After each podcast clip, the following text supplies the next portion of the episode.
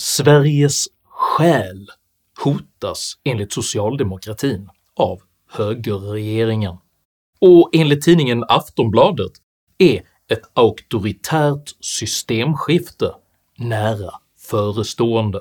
Ett auktoritärt systemskifte. Vad baseras dessa aggressiva utspel på? Varför har den politiska retoriken blivit så extrem?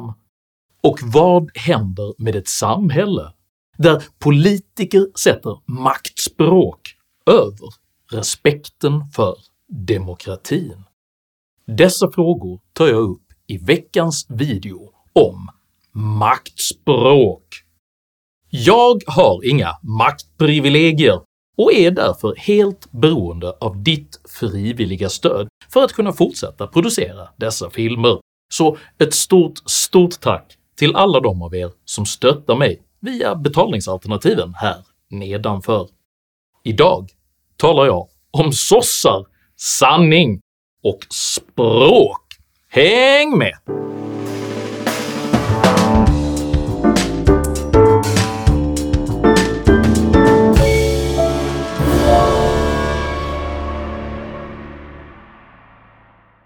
Låt oss bygga en stad med ett torn som når upp till himlen och göra vårt namn känt så att vi inte skingras över hela jorden. Men Herren sade “Välan, låt oss stiga dit ner och förbistra deras tungomål så att den ene icke förstår den andres tungomål” och så spriddes de därifrån ut över hela jorden. Den bibliska berättelsen om Babels torn är en metafor för hur högmodiga kulturer upphör att förstå oliktänkande.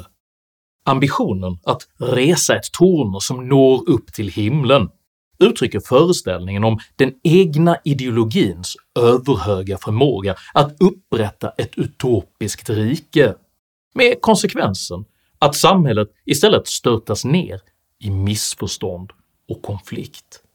Denna typ av tilltagande språkförbistring är tydlig i dagens Sverige, där socialdemokratins valförlust lett till ett allt mer aggressivt och oförstående språkbruk.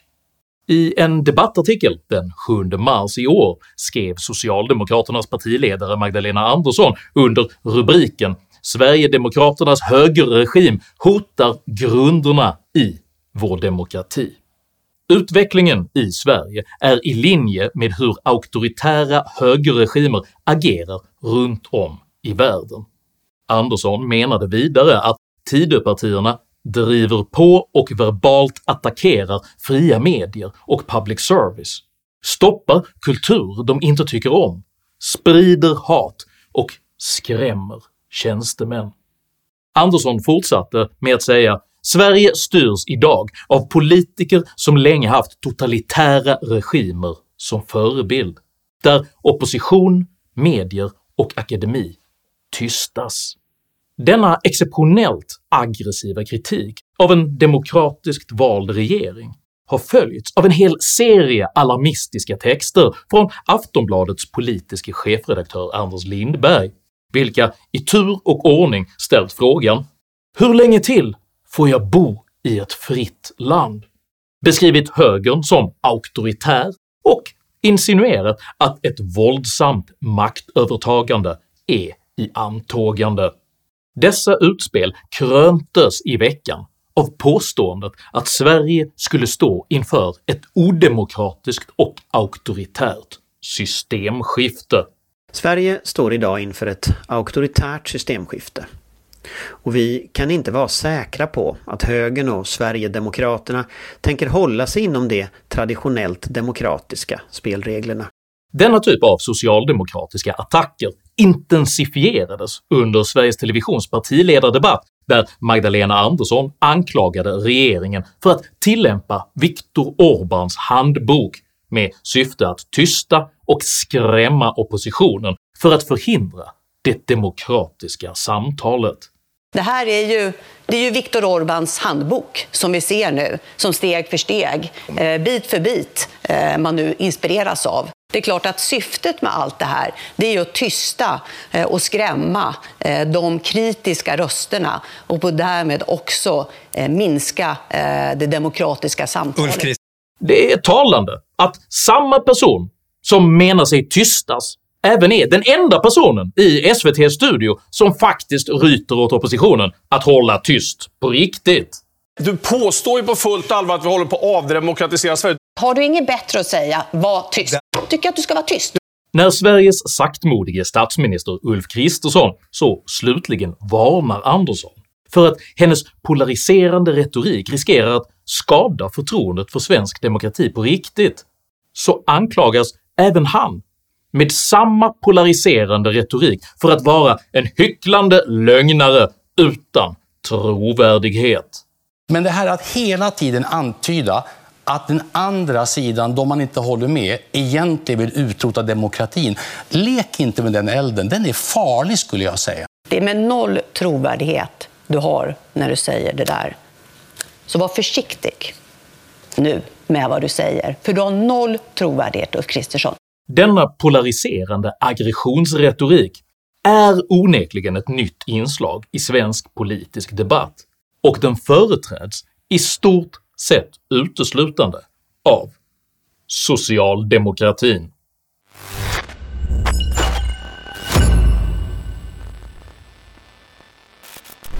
Strax innan den aggressiva partiledardebatten åkte Magdalena Andersson och partisekreterare Tobias Baudin till Washington för att, enligt egen utsago, studera trumpism, antidemokratiska rörelser och den roll som sociala medier och desinformation spelar. Enligt pressen träffade de bland annat vänsterjournalisten Ann Applebaum och den demokratiska partistrategen Alejandro Verdin som framgångsrikt hade bekämpat högern genom att förvandla valkampanjer till en strid mellan gott och ont. Nyckeln till seger var att vi byggde en berättelse runt den här kampen. Det gäller att vara först. Du måste definiera din motståndare för väljarna innan de definierar dig. Då kan du köra den kampanj som du vill. Strategin att förvandla debatten till en strid mellan gott och ont genom att definiera motståndarna som ondskefulla imiteras därför nu av socialdemokraterna, där president Joe Bidens talespunkter från 2022 direkt replikeras i Anderssons retorik. I ran for president because I believe we're in a battle for the soul of this nation. Det är någonting fundamentalt som står på spel de kommande åren. Vårt lands själ. And the essence of who we are, the soul of America. Vilka vi är här hemma och i omvärldens ögon, det Sverige som vi älskar och är stolta över. And that democracy, democracy must be defended for democracy makes all these things possible. Där demokrati och tillit frodas och där människor möts för att samtala, debattera och utveckla vårt gemensamma samhälle. Det är utifrån denna ambition att ogenerat kopiera amerikansk polariseringsretorik som socialdemokratin nu försöker definiera sina meningsmotståndare som lögnaktiga antidemokrater. Vi har haft en unik valrörelse i Sverige där ju regeringspartierna och Sverigedemokraterna uppenbart har ljugit under valrörelsen om vad man ska göra efter valet. Och det här är bara ett av så många löften som ni gav före valet, som bara bryts. Löfte efter löfte efter löfte. Och hela det här nya politiska klimatet med halvsanning, osanningar och ibland eh, många gånger helt o, hela osanningar som vi mötte från dessa högerpartier. Vi hade väldigt svårt att eh, bemöta det. Man säger en sak före valet, så är det val och sen säger man något annat. Man bör i sammanhanget erkänna att de borgerliga partierna faktiskt har underlevererat på flera av de löften som avgavs under valrörelsen, men att låtsas betrakta detta som en demokratisk opolitlighet är ingenting annat än genomsyniskt maktspel I synnerhet givet socialdemokratins eget förhållande till just löften och sanning. Redan 1988 gick den socialdemokratiske riksdagsmannen Lennart Nilsson till historien för citatet “Folk uppfattar vallöften som löften. Det är ett problem för oss.” Och så här såg socialdemokratins eget förhållande till sanning och konsekvens ut, bara i den senaste valrörelsen. Socialdemokratin framställer sig ansvarsfullt ha sanerat Sveriges oansvariga migrationspolitik. Jag börjar med att säga att jag tycker det är viktigt att vi håller fast vid den strama migrationspolitik som infördes under Socialdemokraternas ledning. Trots att man i själva verket försvarade den in i sista ögonblicket. Mitt Europa bygger inte murar!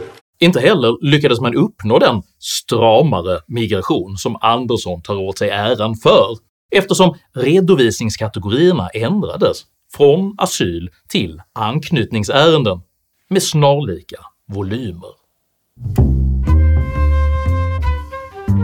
In i det sista framhöll socialdemokraterna även NATO-medlemskap som höjden av oansvarighet. Och det blir inga ansökningar om något medlemskap så länge vi har en socialdemokratisk regering. Jag kommer definitivt aldrig, så länge jag är försvarsminister, att medverka i en sån process. Det kan jag garantera alla. Tills opinionen förändrades och man på ett ögonblick vände kappan 180 grader efter vinden. Du och ditt parti har alltså gjort en helomvändning eh, när det kommer till NATO. Eh, hur har process, processen varit? Vi hade ju ett möte då på departementet och eh, i samband med det så bestämde jag mig för att nu får det vara klart med det här.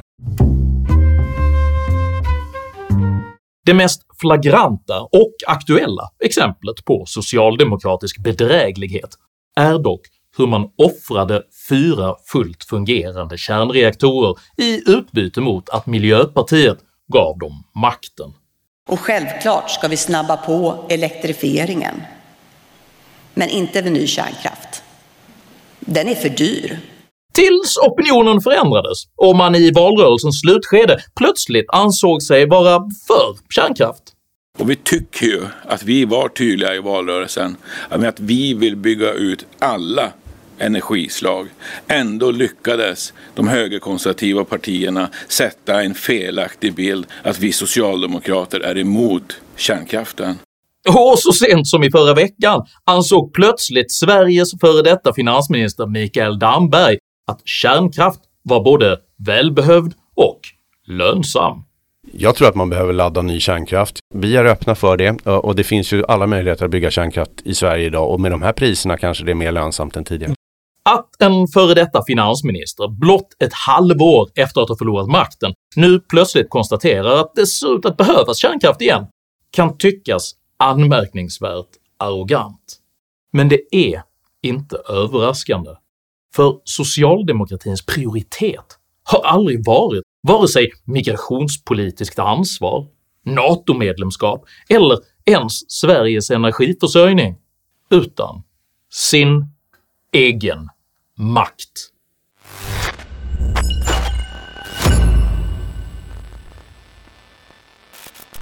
God morgon och välkomna till den här pressbriefen som ju i grunden handlar om vad som står på spel. Sverigedemokraterna är ju nu i flera opinionsundersökningar det näst största partiet. Över 200 rasister och nazister att socialdemokraterna strax innan valdagen valde att arrangera en presskonferens om hur hemskt ett rivaliserande parti är saknar historiskt motstycke. De har organiserat trollarméer för att eh, måla ut sina politiska motståndare på ett väldigt ofördelaktigt sätt. Att dessutom angripa dem för att de framställt sina meningsmotståndare på ett ofördelaktigt sätt får faktiskt jämföras med att socialdemokratin avfyrar en dynamitdriven stenkanon i en ideologisk glaskatedral. Viktor Orbáns handbok. Auktoritärt systemskifte. Öppet hat. Rasister och nazister. Tycker att du ska vara tyst. Denna aggressiva språkdräkt är direkt demokratiskt oansvarig, för vilken bild av Sverige sätts när Sveriges största partis företrädare på allvar menar att valet vanns genom köpt propaganda, otillåten manipulation och hatdrev, och att ett ordnat demokratiskt val innebär att det nu råder auktoritär fara och färde för vårt land. Och då är det fara och färde för vårt land. Syftet är lätt att förstå eftersom socialdemokratin är utpräglat pragmatisk och gör i stort sett vad som helst för att vinna makten och behålla makten. Genom att på amerikanskt maner försöka piska upp konflikten till att gälla gott och ont istället för sakfrågor så hoppas socialdemokraterna nu kunna förstöra regeringens maktunderlag trots att de har väljaropinionen med sig i nästan alla viktiga frågor. Socialdemokraternas aggressiva retorik är därför sannolikt inriktad på att manipulera sönder de ideologiskt kluvna liberalerna och genom detta få regeringen på fall. Notera det samstämmigt talande glädjeruset när den tidigare ministern Cecilia Malmström i veckan lämnade just Liberalerna. Nu verkar också Cecilia Malmström ha fått nog av liberalernas knäböjande inför SD. Det hedrar henne. Inte förvånande, logiskt och hederligt. Alla tidigare tunga företrädare har lämnat. Ryggrad. Respekt. Den demokratiska kostnaden för detta cyniska maktspel är dock kolossal eftersom den permanentar ett politiskt klimat där oppositionen i princip förklarar regeringsmakten som demokratiskt illegitim och farlig. Anledningen till denna allt mer vårdslösa hantering av det demokratiska klimatet i Sverige beror sannolikt på att socialdemokratin på allvar nu, kanske för första gången, upplever sitt institutionaliserade maktövertag vara hotat på riktigt. Socialdemokratins allt mer panikanstrukna aggression bör därför ses som ett demokratiskt hälsotecken, för precis som för en missbrukare upplevs ofta ens hotet om att behöva verklighetsanpassa sina vanor som ett övergrepp. Det är inget övergrepp. Det är däremot just den socialdemokratiska avgiftning som Sverige behöver för att återskapa en jämnbördig, rättvis och transparent demokrati.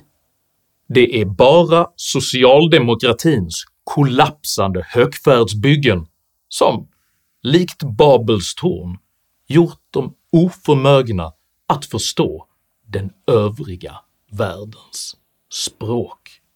Om du uppskattade innehållet i denna video så hjälper det mycket om du delar den med dina vänner och kanske till och med stöttar mitt arbete via något av betalningsalternativen här nedanför. Dela även gärna med dig av dina egna åsikter och erfarenheter i kommentarsfältet här nedanför, men jag ber dig att alltid vara artig. Jag accepterar inte aggression, personpåhopp eller rasism i mina idédrivna kommentarsfält. Tack för att du som kommenterar respekterar detta. Jag heter Henrik Jönsson och jag anser att de demokratiska institutionerna måste hanteras med värdighet och respekt oavsett deras förhållande till partipolitiska maktintressen. Tack för mig och tack för att du har lyssnat.